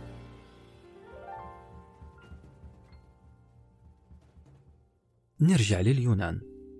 اليونان هو بلد أريانا مؤلفة الكتاب وتراث وتاريخ اليونان ترك صبغته. على كتابة أريانا اليونانيين شعب يؤمن بآلهة لا حصر لها. كل ظاهرة تقريبا لها إله. إله الموت الحياة الحب المطر الشمس. أكبرهم زيوس ملك الآلهة. زيوس بحسب الأسطورة اليونانية يستحق أنه يكون ملك الآلهة لأنه هو من أنقذ إخوته من أبيهم. أب زيوس كان خايف من أن يرث الملك أحد أبنائه. قام إيش سوى؟ التهمهم واحد واحد. معلش هذه هي الأسطورة الإغريقية. الأب الملك اللي التهم أبنائه واحد واحد خدعته الأم وألقمته حجرا بدلا من ابنه زيوس. يعني زيوس فلت من وجبة الالتهام الأبوية. زيوس كبر وخدع أبيه بأنه سقاه خمر مغشوش. الأب تقيأ بسببه وأخرج كل إخوته الذين ابتلعهم. بعدها زيوس قاد حملة مع أخوانه ضد أبيهم واستلب الحكم. زيوس ملك الآلهة كان إله لا يرحم في الأسطورة اليونانية طبعا. صحيح أنه كان كريم كان يحسن ضيافة الناس ولهذا السبب أصبح الكرم من الخصال الحميدة لدى اليونانيين كما تقول أريانا طبعا. لكنه ما كان يسامح أعدائه وكان زيوس في نقطة ضعف وحيدة قلبه الحبيب. مم. زيوس كان يحب حورية اسمها الدافني. هذه الحورية هي ابنة إله النهر. مشكلة هذه الحورية إنها تحب واحد ثاني. زيوس قرر ينهي هذه العلاقة. رمى الحورية بسهم جعلها تكره أبولو حبيبها تعذب أبولو أيما عذاب. كان يلاحق الحورية يتبعها في كل مكان يقبل التراب اللي تمشي عليه. إلى أن استنجدت بأبيها إله النهر من هذا الوضع. فحولها أبوها إلى شجرة عشان تتخلص من هذا العاشق الولهان. أبولو العاشق الولهان. انتهى. انتهى تماما. فلا يريد أحد أن يكون على علاقة بشجرة. وبعد هذه الوصلة الأسطورية اليونانية أكيد أنه إنسان تربى على هذا الإرث. تظهر في كتاباته بعض الأساطير اللذيذة وهذا الشيء موجود في كتاب ثورة النوم. الكاماين هو أول من فلسف ونظر وأطر لموضوع النوم الرجل وصف النوم وصف عجيب لما قال إنه ظاهرة تحدث عندما يهرب الدم من الطبقة الخارجية لجسد الإنسان إلى الأعضاء الداخلية. العقائد الثانوية ترى النوم واليقظة نقيضين ويمثلان تناقضات الحياة زي الموت والحياة، النار والماء، النور والظلام. لكن الإسلام والعهدة على المؤلفة عامل النوم باحترام أكبر وأمر بالتطهر قبل الولوج للفراش. وعلى كل حال فإن النوم لم يكن في أي وقت من الأوقات أو زمن من الأزمنة عائق أو شيء سلبي في حياة البشر إلا أنه في العصر الحديث بدأ معنى النوم يتغير وعلاقتنا بالنوم تتغير بصراحة علاقتنا بالليل كله على بعضه تغيرت اللي حصل أنه في زمن الأنوار الصناعية. أصبحنا مستعمرين لليل. نعم الليل مو معناه النوم الليل ممكن يقظة أيضا في عصرنا الحالي. المكننة أو استخدام الآلات الميكانيكية جعلتنا نقنن كم ساعة نرتاح فيها وكم ساعة نعمل والرأسمالية. بدأت تحصي هي كمان ساعات النوم الكافية للشخص المنتج. يعني أصبحت القاعدة كالتالي. كل ساعة تقضيها في النوم هي ساعة تضيع في العمل. ساعة النوم الساعة المقدسة زمان أصبحت الآن ضائعة من وقت العمل. أريانا ورغم أنها أمريكية الجنسية تقول أمريكا كانت أشد الشعوب حربا على النوم. كانت ولا زالت يا أريانا. دليلها الدامغ هو كلمة national narrative أو الإرث الشعبي القصصي. طبعا تقصد الخاص بأمريكا. القصص الأمريكية اللي تغذي روح رجل الشارع الأمريكي كانت تقلل من قيمة النوم وهذه مصيبة. أكيد حتتساءل عزيزي المستمع والمستمعة ما الذي جعل الموروث الشعبي الأمريكي يتلون بلون الكراهية للنوم؟ الجواب أنه أي موروث يتشكل بالعقيدة الأساسية للشعب يعني الأمريكان الأوائل كان عندهم عقيدة معينة عقيدة بيوريتانية. إيش يعني بيوريتانية؟ طيب خلينا ناخذ الحكاية من أولها. أصل الحكاية بدأت عندما ولد عيسى بن مريم عليه السلام في فلسطين في عهد الدولة الرومانية. تم تأييده بقدرات عجيبة في شفاء الناس ونفث الروح في الجمادات. كلنا نعرف النسخة الإسلامية من هذه القصة. بعد سلسلة مؤامرات عليه تم صلبه طبعا بحسب المصادر اليهودية والمسيحية وبعض التفاسير الإسلامية. تم صلب المسيح. أو تهيأ للناس أنه صلب. برضو هذا تفسير وارد في بعض المصادر الإسلامية. لكن صلب ليش؟ قليل مننا يعرف هذا الشيء. صلب بتهمة التأليب على الحكومة الرومانية. تهمة سياسية بحتة.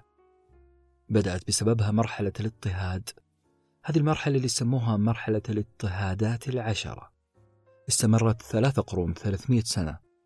وبسبب هذا الضغط بسبب هذا الاضطهاد اللي واجهه المسيحيين الأوائل في فلسطين اضطروا إلى إنشاء مجموعات لهم خارج فلسطين. يعني في الإسكندرية في تركيا في أوروبا الهند والحبشة ومنطقة أرمينيا بالذات. كانت أول دولة تعتنق المسيحية بالكامل. قبل كذا كانت جماعات في الدول لكن في أرمينيا أصبحت أول دولة مسيحية بالكامل. بعد 300 سنة من ولادة المسيح وضع الحاكم الروماني قسطنطين مرسوم ميلان. هذا المرسوم اللي لأول مرة يعترف فيه الحاكم بشيء اسمه مسيحية ومسيحيين. بعدها بسبعين سنة اكتسحت المسيحية كل شيء وأصبحت هي الديانة الرسمية للدولة الرومانية. قسطنطين كان هو أكبر رأس في الدولة الرومانية اعتنق المسيحية بعد أن حقق الله له انتصارا عظيما على الفرس بحسب بعض الروايات التاريخية طبعا. نقل عاصمة الدولة من روما قربها شوية جهة الشرق الأوسط وضع العاصمة في القسطنطينية أو إسطنبول. هذا معناه مزيد من الانتشار للمسيحية في الشرق الأوسط. لكن اللي حصل أنه اختلف فهم مجموعات من المسيحيين هنا وهناك. اختلفوا فهم قضايا حساسة شوية لها علاقة بطبيعة المسيح وفهم الثالوث المسيحي. بسبب هذا الاختلاف بين الجماعات المسيحية تم عقد أكثر من مجمع كنسي ضخم. اللي أمر بعقد هذه المجامع هو الإمبراطور الروماني طبعا. الهدف منه؟ جمع الشتات تحيد فهم العقيدة المسيحية. أريوس مثلا كان يؤمن بأن كلمة الله ليست كلمة بالمعنى الحرفي بل هي خلق من خلق الله. وهذا الكلام مضامينه عظيمة. لما نقول كلمة الله فهي شيء مقدس. أما خلق الله فهي كباقي المخلوقات في الدنيا فيها الجيد والسيء. بمعنى آخر كلمة الله حرفيا تعطي هالة قدسية. أما خلق الله فهي تقلل من هذه القدسية أو تنفيها بعض الأحيان. آريوس كان يقول كلمة الله تعني خلق الله وهذا يعني أن المسيح وهو كلمة الله خلق من خلقه. واضح جدا معنى هذا الكلام. الخطير. هو انقسام مو سهل في الكنيسة. هذا الحوار أكيد يذكركم بقضية خلق القرآن في العهد العباسي. وليه كانت قضية حساسة جدا. الكلام يطول حول هذه القضية. لذلك خلينا نرجع للمسيحية. استمرت المجامع الكنسية تعقد الواحد تلو الآخر. وقتها دب الخلاف الكبير وانقسمت الكنيسة بشكل واضح بين فهمين لطبيعة المسيح. فهم اسمه أرثوذكسي شرقي. فيه دول زي أرمينيا تركيا فلسطين الشام مصر. وعشان كذا اسمه الشرقي شرق القسطنطينية. الأرثوذكس الشرقيين آمنوا بأن المسيح له طبيعة واحدة وهي مزيج ما بين الألوهية والبشرية. هكذا يمكننا اعتبار أن الكنيسة الأولى هي الأرثوذكسية الشرقية فهمت المسيحية بطريقتها. لكن ظهرت المسيحية الكاثوليكية بالذات رومان كاثوليك. ولما نقول رومان كاثوليك فإحنا نقصد الكنيسة اللي بينها وبين البابا عقد شراكة عقد ولاء. كاثوليك باليونانية على فكرة معناها الجامعة اللي هي الكنيسة اللي تحاول تجمع كل المسيحيين تحت لواء مركزي موحد وهو روما. عشان كذا اسمها رومان كاثوليك. الكاثوليكية والأرثوذكسية اللي تكلمنا عنها قبل شوية تتشابه في أكثر من نقطة. مثلا في اعترافها بالكتاب المقدس. قبولها كل ما جاء في المجامع الكنسية الأولى. تؤمن بأن البشر يحتاجون إلى ممثل لله على الأرض. رسول من الله. هذا الرسول أو هذا الممثل هو البابا والأساقفة اللي يتمتعوا بالسلطة الربانية لكن اللي حصل أن الكاثوليكية نفسها انقسمت وبعض الكنائس بسبب هذا الانقسام نزعت العصمة المطلقة من البابا الموجود في روما. هذه الأحداث الأخيرة أشعلت أوروبا. جاءت حركة جديدة اعترضت على الكنيسة الكاثوليكية والأرثوذكسية طبعا. لا عصمة في يد البابا. البابا ما هو مقدس. الكتاب المقدس يجب فهمه بدون طقوس باطنية. يعني الجميع يقدر يفهم الإنجيل بدون واسطة. ومن هنا انتشرت فكرة البروتستانتية اللي هي كنيسة جديدة مختلفة تماما عن الكنيستين القديمتين. والبروتستانتية على فكرة هذه الكلمة البروتستانت اسمها يصف سلوكها ومعتقدها. بروتست يعني يعترض. بروتستانت المعترضين. وهذه الكنيسة معترضة على الكاثوليكية. منهم عدد كبير جدا في بريطانيا. هذول البريطانيين أو الإنجليز رفضوا ممارسات كنيستهم. وقالوا أنها ما انفكت من سطوة وتأثير الكنيسة الكاثوليكية اللي في روما. دعوا إلى تطهير المذهب فأصبح اسمهم Puritans على فكرة purify معناها ينظف أو ينقي. ال Puritans الإنجليز اللي اعترضوا على الكنيسة الكاثوليكية سموا نفسهم متطهرين. هؤلاء الإنجليز المتطهرين هاجروا إلى فين؟ إلى أمريكا الأرض الجديدة بفكرة دينية جديدة. wow. قصة طويلة جدا. هذه قصة المسيحية بشكل مختصر ومخل قليلا. أريانا تقول ال Puritans الإنجليز المتطهرين اللي جو أمريكا جابوا معهم فكر يقدس العمل. أصبح هذا الفكر بقصصه وبراهينه وشواهده اللي معظمها من الإنجيل وشروحات الإنجيل. هو أساس الحياة في أمريكا. الكسل أو النوم بشكل أكثر دقة هو أرض خصبة للشياطين والفقر. المرجلة والأخلاق الحميدة مقرونة بالعمل المتواصل والانضباط والثبات. الكاتب دانيال روجرز شرح في كتابه أخلاقيات العمل في أمريكا الصناعية عام 1920 أن الرجل الخير الصالح في أمريكا كان الرجل القوي المفعم بالحركة المشغول بالاهتمام بصحته ولقمة عيشه. هذا هو الرجل الصالح. هذا الفكر اللي جابوا معاهم ال Puritans إلى أمريكا. الرجل الذي لا مكان لديه للأحلام. وطبعا النوم هو مصدر الأحلام. هذا الفكر الجديد بدأ يهمش ويسخف النوم والسبب عقيدة بنيت عليها أمريكا. هذا هو عامل ديني روحاني. مأثر في أمريكا؟ ومخليها تخاف من الكسل والنوم.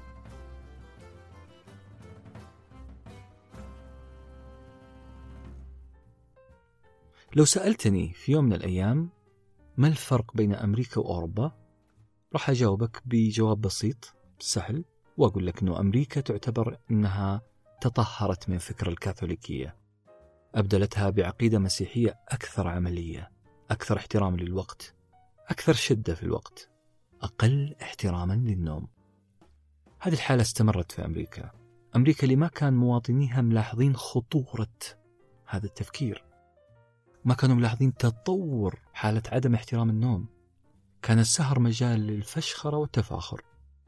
من الطريف أنه أحد اللي لاحظوا هذا الخطر في فترة سابقة مخرج شاب مخرج غريب جدا في طرحه. اسمه أندي وارل. يقول أندي رؤيتي للجميع مستيقظين طوال الوقت جعلتني أعتقد أن النوم أصبح شيء نادر في المجتمع. أصبح شيء لا نراه لا نتأمله بشكل كافي. لذلك قررت أن أصنع فيلما عن شخص يقضي معظم وقته نائما. لحد الآن الفكرة مقبولة لكن الفيلم غريب شوية. تقدروا تشوفوه في يوتيوب. الفيلم مدته أربع ساعات يصور فيها المخرج صديقه وهو نائم. طبعا للنايم الصديق مش المخرج. فيلم كامل لشخص خالع فانيلته ومتغطي ويتقلب طول أربع ساعات.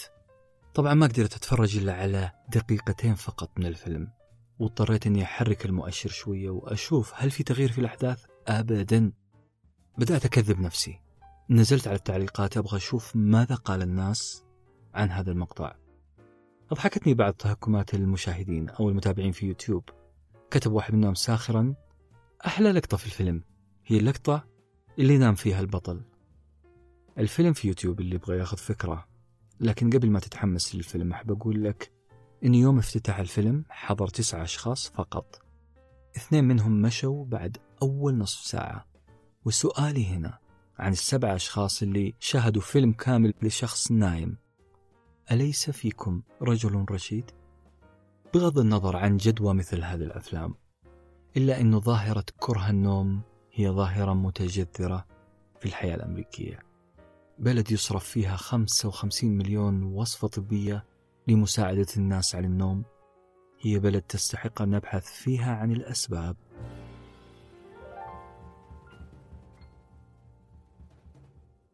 بالمناسبة حبوب النوم هو موضوع حاز على نصيب الأسد في كتاب أريانا بدأ الكلام عن حبوب النوم بجملة صادمة ومفاجئة تقول فيها الحبوب المنومة ليست منومة م? ما معنى هذا الكلام؟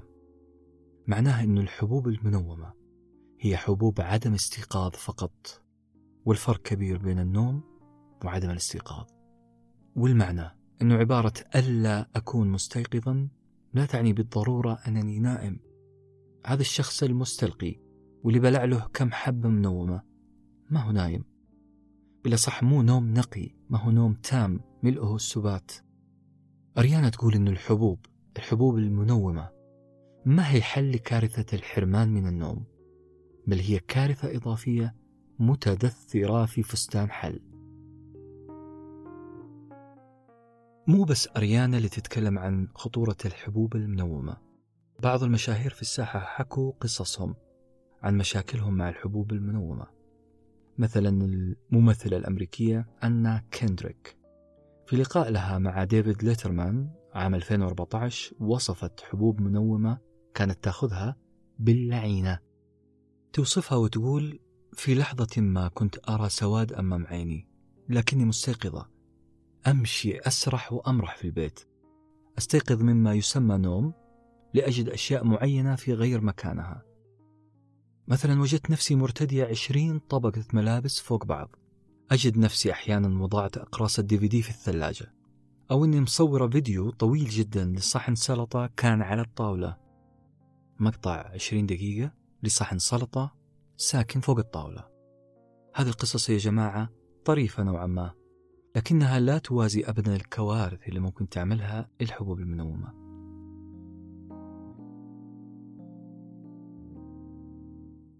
راح أتكلم شوية عن أثر هذه الحبوب ومن وجهة نظر أريانا نفسها اللي تقول إنه كلية الطب في هارفارد كان لها كلمة مهمة جدا عن الحبوب المنومة البروفيسور باتريك فولر. يشرح لنا الفرق بين النوم الطبيعي والنوم اللي بالحبوب. يقول الحبوب المنومة تتعامل مع نظام كيميائي واحد فقط موجود في الدماغ. نظام كيميائي واحد فقط من مجموعة الأنظمة اللي يحفزها الدماغ عشان يساعدنا على النوم. يعني بشكل مبسط وبمجاز متجاوز جدا سامحونا عليه. نقول تخيلوا النوم على شكل بازلز يقصد ببازلز المكعبات اللي نركبها فوق بعض عشان تطلع لنا صورة كاملة. تخيلوا هذه المكعبات ناقصة ثمانية مكعبات من أصل عشرين. اللوحة مستحيل تكتمل. أنت شخصيا ما حتحس بالمتعة والإنجاز. هذا هو النوم بحبوب منومة. يعمل لك جزء بسيط من التفاعلات الكيميائية. التفاعلات اللي المفروض تكون كثيرة في حالة النوم الطبيعي.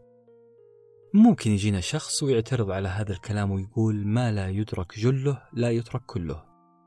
يعني في أسوأ الأحوال الحبوب حتخليني أرتاح شوية بدلا من الانهيار. المشكلة مو بس مسألة نوم غير كامل بل نوم مخيف مليان مشي أكل استحمام تصوير فيديو.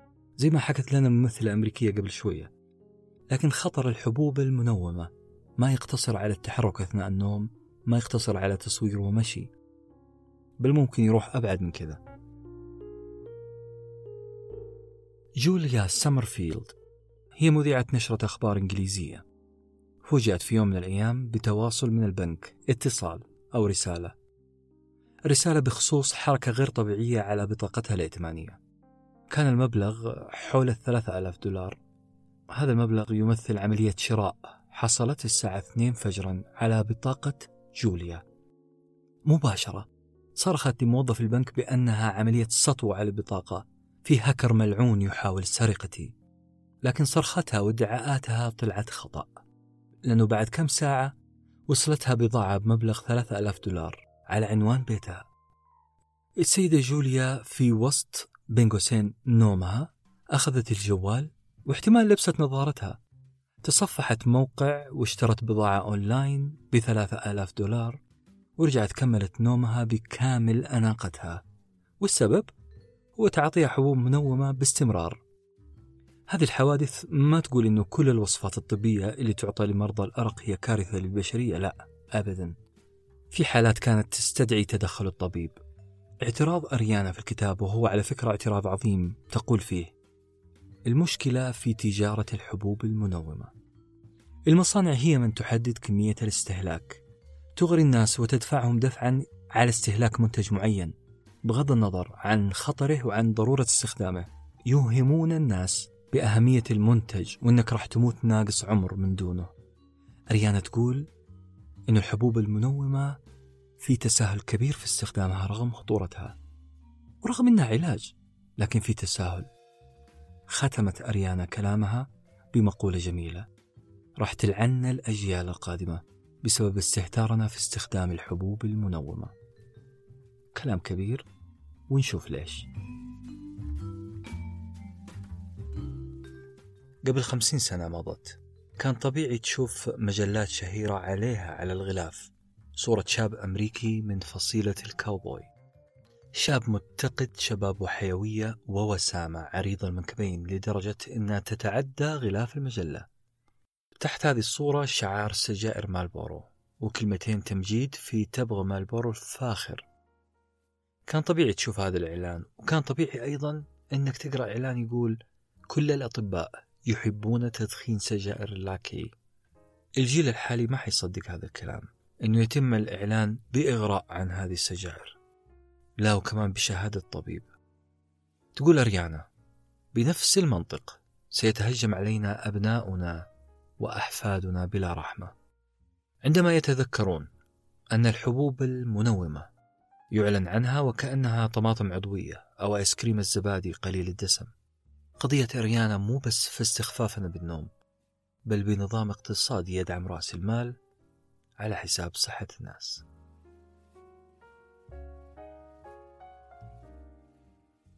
فطريا ومن دون تدخل جامعة هارفارد أو غيرها من الجامعات كلنا نعرف أن دخولنا لعالم النوم يمر بمراحل. مستحيل تلقى شخص يشخر بعد أول ثانية من إغماض عينيه. وإذا تعرف أحد بهذه المواصفات تواصل مع أريانا. الشاهد إحنا ندخل النوم من أربع بوابات. الجميل في توصيف هذه المراحل أو هذه البوابات إنك حتفهم بالضبط إيش قاعد يصير في مخك أثناء النوم. المهم المراحل الأربعة هي كالتالي رقم واحد نوم خفيف رقم اثنين نوم عميق نوعا ما ثلاثة نوم عميق بموجات بطيئة وأخيرا نوم اسمه الريم R E M. نمر على المراحل هذه بشرح سريع. النوم الخفيف هو مرحلة الهذيان. أنت في مرحلة انتقالية بين الصحيان والنوم. وهذه مرحلة خطيرة شوية لأنه حواسك لا زالت مرهفة عضلات عينك بتتحرك جسمك لا زال نشيط. لذلك أي حركة أي صوت أي تنبيه راح يصحيك من النوم لأن جسمك وعقلك لا زالوا صاحيين. المرحلة الثانية هي النوم شبه العميق. في هذه المرحلة تبطأ حركات عينك. ويمكن عيونك توقف تماما. درجة حرارتك تنزل بشكل ملاحظ وعشان كذا الأمهات الله يحفظهم يغطوا أبنائهم وبناتهم اللي ناموا فوق السوفا بدون غطاء ذكاء فطري والله أعلم. الولد راح يبرد وهو نايم وهذا فعلا اللي يحصل. المرحلة الثالثة هي مرحلة نوم عميق أو ما سمته أريانا في الكتاب نوم الموجات البطيئة أو ما يسمى بالدلتا. هنا تبطأ الموجات من وإلى الدماغ تبطأ لأقصى حد. نوم عميق جدا. نوم صعب تماما أن يستيقظ فيه الإنسان. إذا سبق وصحيت من هذه المرحلة حتصحى ما أنت عارف أنت مين أنت فين أنت إيه. قمة الفوضى هو الاستيقاظ في هذه اللحظة. هذه المرحلة من النوم هي المرحلة السرية اللي تعبوا العلماء في فهمها وهي اللي يصير فيها المشي والكلام والأكل بشوكة وسكين أحيانا. وعلى فكرة قبل ما نتكلم عن المرحلة الرابعة ترى المشي والكلام أثناء النوم قد يكون خطير جدا مو بس على صحة الإنسان بل حتى على سمعته وعلاقاته. فالإنسان المتكتم جدا قد يطلع الآخرين على أسرار خطيرة إلى نوم. زي اللي حصل في مسرحية ماكبث مسرحية شكسبير. القصة باختصار ماكبث هو قائد جيش من جيوش اسكتلندا. قابلته ثلاث ساحرات هو وصديقه بانكو. الساحرات أخبروه بمجموعة نبوءات منها إنه راح يصير نائب الملك ثم سيصبح هو ملك اسكتلندا. ماكبث استغرب لأنه ملك اسكتلندا حاليا اسمه دونكان عنده أبناء فكيف راح يجيني الملك؟ سؤال طبيعي. اللي حصل أنه في تلك اللحظة جاء مرسول من دونكان من الملك يخبر ماكبث بأنه ولشجاعته صدر الأمر السامي بتعيينه نائبا للملك. ماكبث تم تعيينه نائب للملك. هذا الخبر فتح عيون ماكبث بدأ يصدق نبوءة الساحرات. أخبر زوجته بهذا الخبر اللي من وقتها ما كانت قادرة تمسك أعصابها مستعجلة جدا على أن يصبح ماكبث الملك. ولأجل هذا الشيء دبرت هي وزوجها مؤامرة لقتل الملك. كيف؟ بشوية تفاصيل. خدرت الحراس دخل ماكبث على غرفة نوم دونكن بخنجر يخص أحد حراسه وقتل الملك. ولأنه كان خائف جدا وهنا ركزوا على هذه النقطة. لأنه كان خائف جدا زوجته قامت بأخذ الخنجر ووضعته عند أحد الحراس المخدرين. في الصباح تم إعلان اغتيال دونكن وتم إلصاق التهمة في الحراس. اللي حصل بعد كذا أنه ماكبث بدأ يوسوس بدأ يهلوس بدأ يحلم هو وزوجته نفس الكوابيس. نجي للمهم. في مسرحية ماكبث في الفصل الخامس المشهد الأول بالتحديد. على خشبة المسرح كان في سيدتين وصيفة زوجة ماكبث وطبيبتها. كانوا بيتكلموا عن اضطراب نوم السيدة زوجة الملك. زوجة ماكبث كانت تعاني من وضعية نوم سيئة تمشي وتتكلم. الوصيفة كانت تشرح للطبيبة قائلة لقد رأيتها بعيني أكثر من مرة تمشي وتتحدث. تكتب رسالة وتطويها وكأنها راح ترسلها. أثناء كلام هذه الوصيفة مع الدكتورة إلا وزوجة ماكبث تدخل عليهم. طبعا كانت في سابع نومة لكنها كانت تتمتم بكلمات غريبة. كانت عندها تصرفات عجيبة جدا. تقترب من المدفأة مثلا وتفرك يدينها وكأنها تحاول أن تمسح شيء من يدها. بدأت تتكلم بصوت عالي قائلة أخرجي أيتها البقعة اللعينة. الحاصل أن زوجة ماكبث كانت تحس بلطخات الدم دم المقتول الملك دونكن على يدها. الشاهد أنه ضمير زوجة ماكبث فضحها وهي نايمة. وعادت إلى لحظات مقتل الملك كانت تحس بالدماء وتحاول غسلها وهي نايمة You see, her eyes are open. I want their sense. It's shut. Look how she rubs her hands. It is an accustomed action with her to seem thus washing her hands. I have known her continue in this a quarter of an hour. Damn spot! Out, I say! All the perfumes of Arabia will not sweeten this little hand.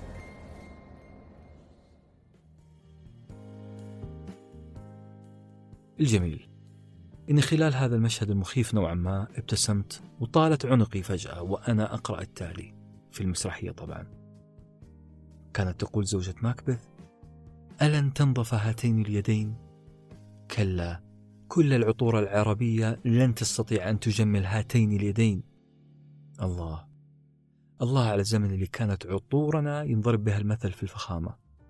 يلا بلاش نبكي على العطر المسكوب ونرجع للمرحلة الرابعة من النوم المرحلة الرابعة يسموها REM R-E-M لا يفجعكم هذا المصطلح زي ما فجعني. هو اختصار لعبارة Rapid Eyes Movement يعني حركة العين السريعة. لكن اللي ممكن يفجعكم فعلا هو وصف هذه المرحلة. عيوننا تبدأ تتحرك في كل اتجاه بشكل مخيف. نعم حركة سريعة في كل اتجاه. كأننا ننتقل من عالم لعالم من إطار مشهد لإطار آخر بسرعة شديدة. قد يكون هذا التحرك السريع لما يحدث في الحلم.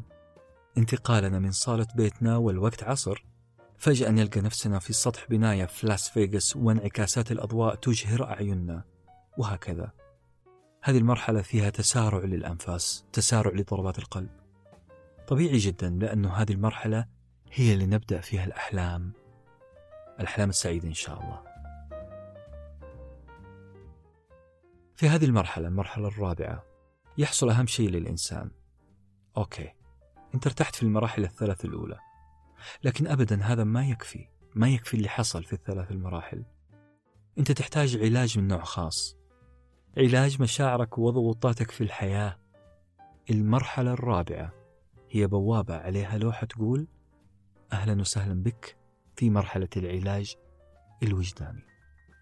خلينا نشرح شوية ماذا يحصل في المرحلة الرابعة لأنه هذا الكلام مهم جدا لكل إنسان. لكل إنسان يبغى يسيطر على ماضيها المؤلم أو أحداث يومه المزعجة. في هذه اللحظة مسكت الكتاب وحضنته ويستاهل الحضن لأنه شرح لي بأبسط طريقة ليش النوم مهم. في المرحلة الرابعة يا جماعة دماغنا يغطس لا إراديا في ماء نقي في محلول معقم عشان نتحول بعد الاستيقاظ إلى كائنات رايقة وهادية ومتصالحة مع نفسها. بالضبط هذا اللي يحصل. في جامعة كاليفورنيا عملوا تجربة على مجموعتين من الأشخاص. كلا المجموعتين وروهم صور أثارت مشاعرهم نوعا ما. تمام؟ مجموعتين وروهم صور مزعجة. المجموعة ألف. سمحوا لهم بالنوم والمجموعة باء لم يناموا. بعد مدة وروهم الصور مرة أخرى. بشكل أدق تم عمل تخطيط للدماغ. للمجموعة ألف والمجموعة باء. تخطيط منطقة اللوزة الدماغية اللي هي مركز المشاعر. المجموعة ألف اللي نامت أظهرت مشاعر أقل توترا من المجموعة الأولى. هذا معناه إيش؟ معناه أنه عقلنا هدأ. معناها أنه عندنا هدوء أكبر في التعامل مع المشاعر. قراراتي حتكون أكثر عقلانية. تفاعلنا مع الصور الذهنية اللي في عقلنا أقل حدة. باختصار شديد جدا. النوم الصحيح والعميق والكافي هو علاج نقطة لا فاصلة بعدها.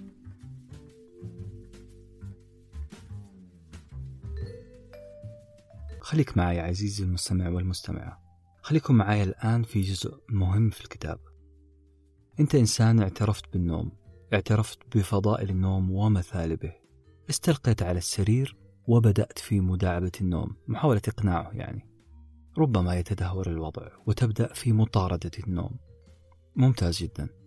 هذا الشيء يحصل لنا جميعا لكن للأسف نواقيس الأرق تطرق الباب. بالأصح الأرق سيقتحم غرفتك بكل جيوشه ومتارسه.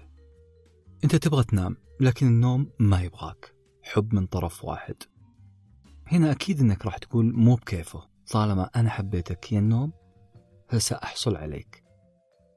طيب عشان تنجح قصة الحب هذه لابد أننا نفهم في البداية ما هي الإشكالية في الأرق. المشكلة في الأرق إنه زي السراب كل ما حاولت تلحقه يبتعد أكثر. كل ما حاولت تطارد النوم النوم راح يتقمص دور الفريسة ويهرب منك. اللي يحصل وقتها إنك ستجد نفسك مستلقي لك ساعة تفكر في الوقت اللي قاعد يهرب منك. في يومك اللي ما راح يعدي بكرة في التعب اللي ينتظرك بعد كم ساعة. وهذا تفكير منطقي جدا لكنه للأسف راح يزيد توترك. هذا التوتر راح يزيد يخوف النوم وراح يساعده في الهرب لمسافة لا تحمد عقباها. نقدر نسميها مفارقة النوم كسراب يبتعد كلما حاولنا الاقتراب منه. افهم هذا الشيء وخلينا ناخذ خطوة تجاه حلول هذه المشكلة هذه الحلول اللي راح تسمع بعد شوية. كونا وعي بمفهوم القلق. الآن نجي للتطبيق؟ كيف أنام بشكل أفضل؟ كيف نطبق كل هذا الكلام النظري اللي سمعناه اليوم؟ عن النوم. هنا مضطر أذكركم عزيزي المستمع والمستمعة بأنه إحنا أخذنا أجزاء فقط من الكتاب. أجزاء فقط. تأملناها وأسرينا لكم بها. الكتاب أضعاف ما ذكر لكم من معلومات وتطبيقات. أوكي؟ هل تطبيق الكلام النظري صعب؟ آه، تقريبا ما أدري. ما أقدر أجاوبك مباشرة لكن الجواب حيجي منك أنت. جاوبني على هذا السؤال. كيف تحول الطفل الرضيع اللي مسدوح 24 ساعة على ظهره إلى كائن مشاء؟ أقصد كيف تعلم الأطفال المشي؟ بالخطب؟ بالوعي المطعم بالفيتامينات والكربوهيدرات؟ لا أبدا.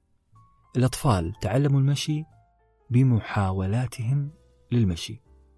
مرة على مرة على مرة. وها هو يتحول هذا الكائن الرخوي إلى بهلوان يمشي على الحبل نفس الشيء النوم العميق. راح تتقنه بمحاولاتك للنوم العميق. الخبر الجميل أنك راح تنجح بأسرع مما تتخيل. مرة ثانية. المثل يقول العلم بالتعلم والحلم بالتحلم. نضيف عليها اليوم والنوم بالتنوم. تحقيق هدف كبير وعظيم زي النوم العميق ما يجي دفعة واحدة بل يحتاج دائما أنك تذكر نفسك بأن اللقمة الكبيرة ممكن تغص بحلق الآكل. لذلك كسر اللقمة إلى قطع صغيرة. حاول تحسن من نمط نومك كل يوم خطوة لقدام. اعتبر نفسك أنك في مرحلة خطوبة مع نفسك. مع جسدك مع حياتك. مرحلة الخطوبة هذه هي الأحلى هي الأكثر مثالية. هي اللي نتجمل فيها قدر الإمكان ونخفي كل عيب فينا. أنت حتتعرف على جسدك وعلى طبيعته. بعد فترة قطيعة طويلة عاملت فيها بإهمال. فترة مو بس أنت سبب القطيعة فيها بل حتى أهلك ومجتمعك سبب في قطيعتك والنوم. ليه؟ لأن الأطفال عادة يعاقبوا بجملة بايخة شوية. جملة جزاء لك. روح نام. نعم. النوم كان عقوبة. لذلك حصلت القطيعة. أن جاء دور الأدوات التجهيزات الإجراءات اللي تساعدك على النوم بعمق. أولا الإضاءة. لازم تفهم ما هو الضوء. ريانا ما تركتنا في حالنا. فسرت لنا مفهوم الضوء بطريقة جميلة جدا لها علاقة بالنوم. الضوء هو إشعاع يضغط ويقلل إفراز الميلاتونين. الميلاتونين اللي يرسل إشارات للدماغ بأن ينام. خلينا نقولها ببساطة الضوء هو أحد المحامين عن اليقظة. الضوء هو فتوة يدافع عن اليقظة. لذلك لا تحاول تستثير هذا الفتوة. يعني خفف من الإضاءات اللي قاعدة تضرب عينك. أنت حتجرد هذا الفتوة من أقوى أسلحته. مثلا خفف القراءة من اللابتوب. خذ لك Amazon Kindle واقرأ فيه كتب. ال Kindle الجهاز اللي تقل فيه الإشعاعات الصادرة من الشاشة. أو اقرأ من كتاب حقيقي وأباجورتك الصغيرة بجانبك. يعني بالعربي درج يومك مع الإضاءة. إن كنت في بداية اليوم ومنتصف اليوم عايش في عالم مليان إضاءات انتقل شوية إلى عالم أقل إضاءة وضوضاء. خذ جولة على مواقع بيع أونلاين وشوف المصابيح الذكية اللي تخفت تزامنا مع ساعتك البيولوجية. يا حبايبي خلوا التكنولوجيا فعلا هي من تخدمكم مو إحنا اللي نخدمها. مين يحب الحر؟ ما أعتقد أن الحر له حبايب. لذلك خلي بالك من درجة حرارة غرفتك. مو بس الحرارة بل نقاء الجو كمان. ما في كائن حي أو غير حي يستحمل رائحة السجاير وهو صاحي. فما بالك بكائن رقيق كائن خواف كائن هارب دائما. اسمه النوم. خلي غرفتك نقية بأن تترك دورة الهواء فيها تأخذ وضعها بوقت كافي. مو بس درجة الحرارة ولا الجو فقط بل جسمك أيضا. جسمك لازم يكون مهيأ للنوم. الجسم المسترخي طوال اليوم ما حيلقى انبهار بالاسترخاء آخر اليوم. إذا كنت زي حالتي تجلس طول اليوم أمام شاشة اللابتوب آه، أو كما يقول الإنجليز كأنك couch potato فعليك أن تفكر بالتمرين الجسدي الخفيف قبل النوم بوقت كافي. وعشان تكون واقعي خلي تمارينك خفيفة فقليل دائم خير من كثير منقطع. 20 دقيقة في اليوم كفاية. 20 دقيقة بس. لأني أنا وأنت وأنتي. كائنات اجتماعية ذكية عبقرية في الربط عبقرية في تخزين معلومات وربطها بمؤثر معين. لابد أن نربط النوم بمؤثرات حسية واضحة. خليني أكون واضح معاكم. إحنا نحتاج ملابس للنوم وللنوم فقط. وهذا الشيء طبيعي في أي ثقافة في الدنيا. لكننا مهملين لهذا الشيء. مو إحنا العرب بس حتى الأمريكان في الأفلام. بعض الموظفين تجدهم في المشاهد بيرمي نفسه على السرير بملابس العمل. لازم ملابس للنوم. أي ملابس حتى لو كانت أبشع من البشاعة نفسها ما يهمنا إلا لو راح نشوفك لابسها في يوم من الأيام. أعرف صديق عزيز نومه منتظم جدا ليه؟ أكيد عنده عوامل مساعدة كثيرة لكن الرجل يحترم النوم جدا ويحترم ملابس النوم لدرجة أنه يمتلك تلك القبعة المقلمة بالأبيض والأحمر تلك القبعة التي تتدلى منها كرة في آخرها. واحتمال أريانا تمتلك نفس القبعة. أريانا اللي تحذر الجميع من النوم بنفس الملابس اللي نرتديها أثناء العمل. والسؤال ليه؟ لأنه مخك قاعد ياخذ بيانات من جلدك ومن بصرك بأنه هذا الشخص لا يزال في حالة العمل وبكذا انسى النوم. لم تكتفي أريانا بالكلام عن أهمية الجو والبرودة والملابس والتمارين. بل تطلب مننا أن نفتتح مصنع سلاح خاص بنا. بالضبط هذه الكلمة الحرفية اللي قالتها. أرسنال مصنع سلاح. تقصد أريانا بمصنع السلاح الأعشاب الطبيعية اللي تساعد على الاسترخاء والنوم. إن كانت تقصد الإبرة الصينية اللي أثبتت جودتها كعلاج للأرق. أو كوب دافئ من شراب اللافندر. أو ما يترجم للعربية بالخزامة أو الحبق والنعناع لأنهم خيارات جيدة قبل النوم بقليل. الأهم من تأثير هذه المواد الكيميائية على الجسم؟ هو تأثيرها على عقلك الباطن. هذا التأثير أقوى وأقوى. أنت قاعد تعمل طقوس نوم. قاعد تخلق مثيرات تحفيزية للجسم. قاعد تخبر كل جسمك بأنه خلاص يا بابا. وقت النوم جاء. النصيحة الأخيرة في الكتاب تقول عد إلى نفسك. وهنا كلام مؤلم شوية لكن لازم نسمعه سوا. على مدى ال 24 ساعة في اليوم إحنا نرى ونسمع ونقرأ ويقال لنا ويصرخ فينا بآلاف البيانات. عقلنا الجميل. تقتحم هذه البيانات بكل عنوة. تخترق أغشية دماغنا. تخترقها قسرا لا طوعا. نشوف مشهد حزين هنا. فنتعاطف مع الضحية. نقرأ قصة ظلم فنشتاط غضبا من المخطئ. ينهزم فريقنا فنسمع صيحات الخصم تخترق طبلة آذاننا بلا رحمة. المشكلة أن كل هذه البيانات أشبه بملصق تجاري. ملصق تجاري ظهره مليان صمغ لاصق مزعج. هذه الملصقات تلتصق بأجسادنا لدرجة أننا ما عاد نقدر نشوف جلودنا الحقيقية. حقيقتنا عزيزي المستمع والمستمعة تختفي. ذواتنا تتلاشى مع كم البيانات الهائل كل يوم. هنا وفي هذه اللحظة نحتاج أن نعود إلى أنفسنا. إن أكثر مسببات الأرق الغير عضوية هو الضغط والقلق. طبيعي أن تقلق. إذا كنت تحمل كل هذه الملصقات على جلدك الرقيق كل ملصق فيهم يتهم ويشوه ويزيف حقيقتك. يزيف حقيقة أننا أسمى من هذه الملصقات أسمى من هذا الجلد أصلا. لذلك وجبت علينا العودة كل يوم إلى ذواتنا من خلال من خلال جلسات هدوء طبعا.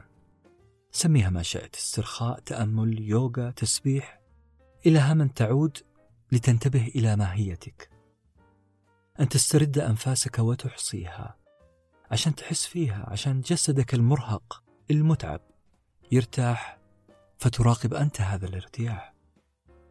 قلبك اللاهث هنا وهناك. لازم يهدأ. لازم تنضبط دقاته على أبطأ إيقاع. عقلك الباحث عن الحقيقة يجب أن يعود ليلاحظ الحقيقة ذاتها. الحقيقة اللي هي أنت فقط. نبغى نستعرض مع بعض تجربة إنسان نجح في ضبط إيقاع جسده قبل النوم. هذا الشخص اللي تكلمت عنه أريانا كان يحتفظ بقصاصة. قصاصة صغيرة كان يرددها قبل النوم. هذا الشخص اسمه رالف والدو إمرسون كان يتأمل القصاصة ويقرأها بهمس. تقول انهي هذا اليوم بل انتهي منه. انت عملت كل ما بوسعك. نعم في شوية أخطاء في بعض المطبات. نعم صحيح.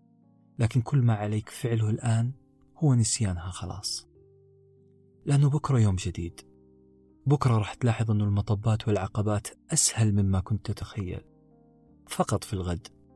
لما يصفى ذهنك وترتاح بكرة حتبدأ بروح جديدة منتعشة. وراح تضحك على تفاهة عقبات اليوم. سؤالي للجميع هنا. هل كتبت وثيقة مصالحتك مع نفسك؟ هل كتبت ذلك؟ نعم؟ إذا تهانينا لكم.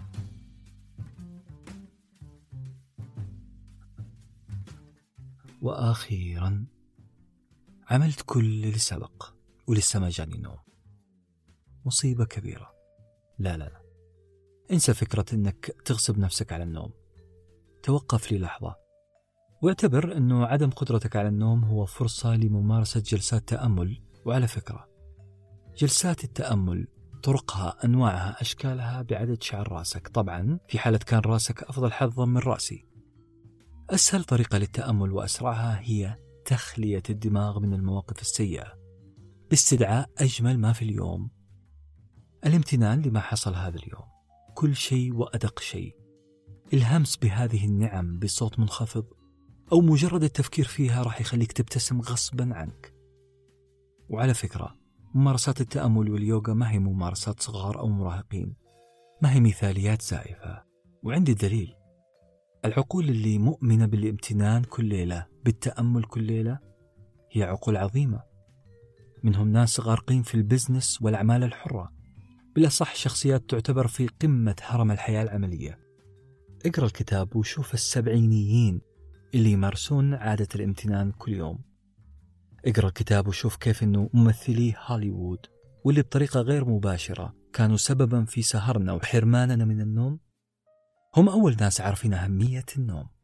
عندهم طقوس تعطي النوم حق قدره.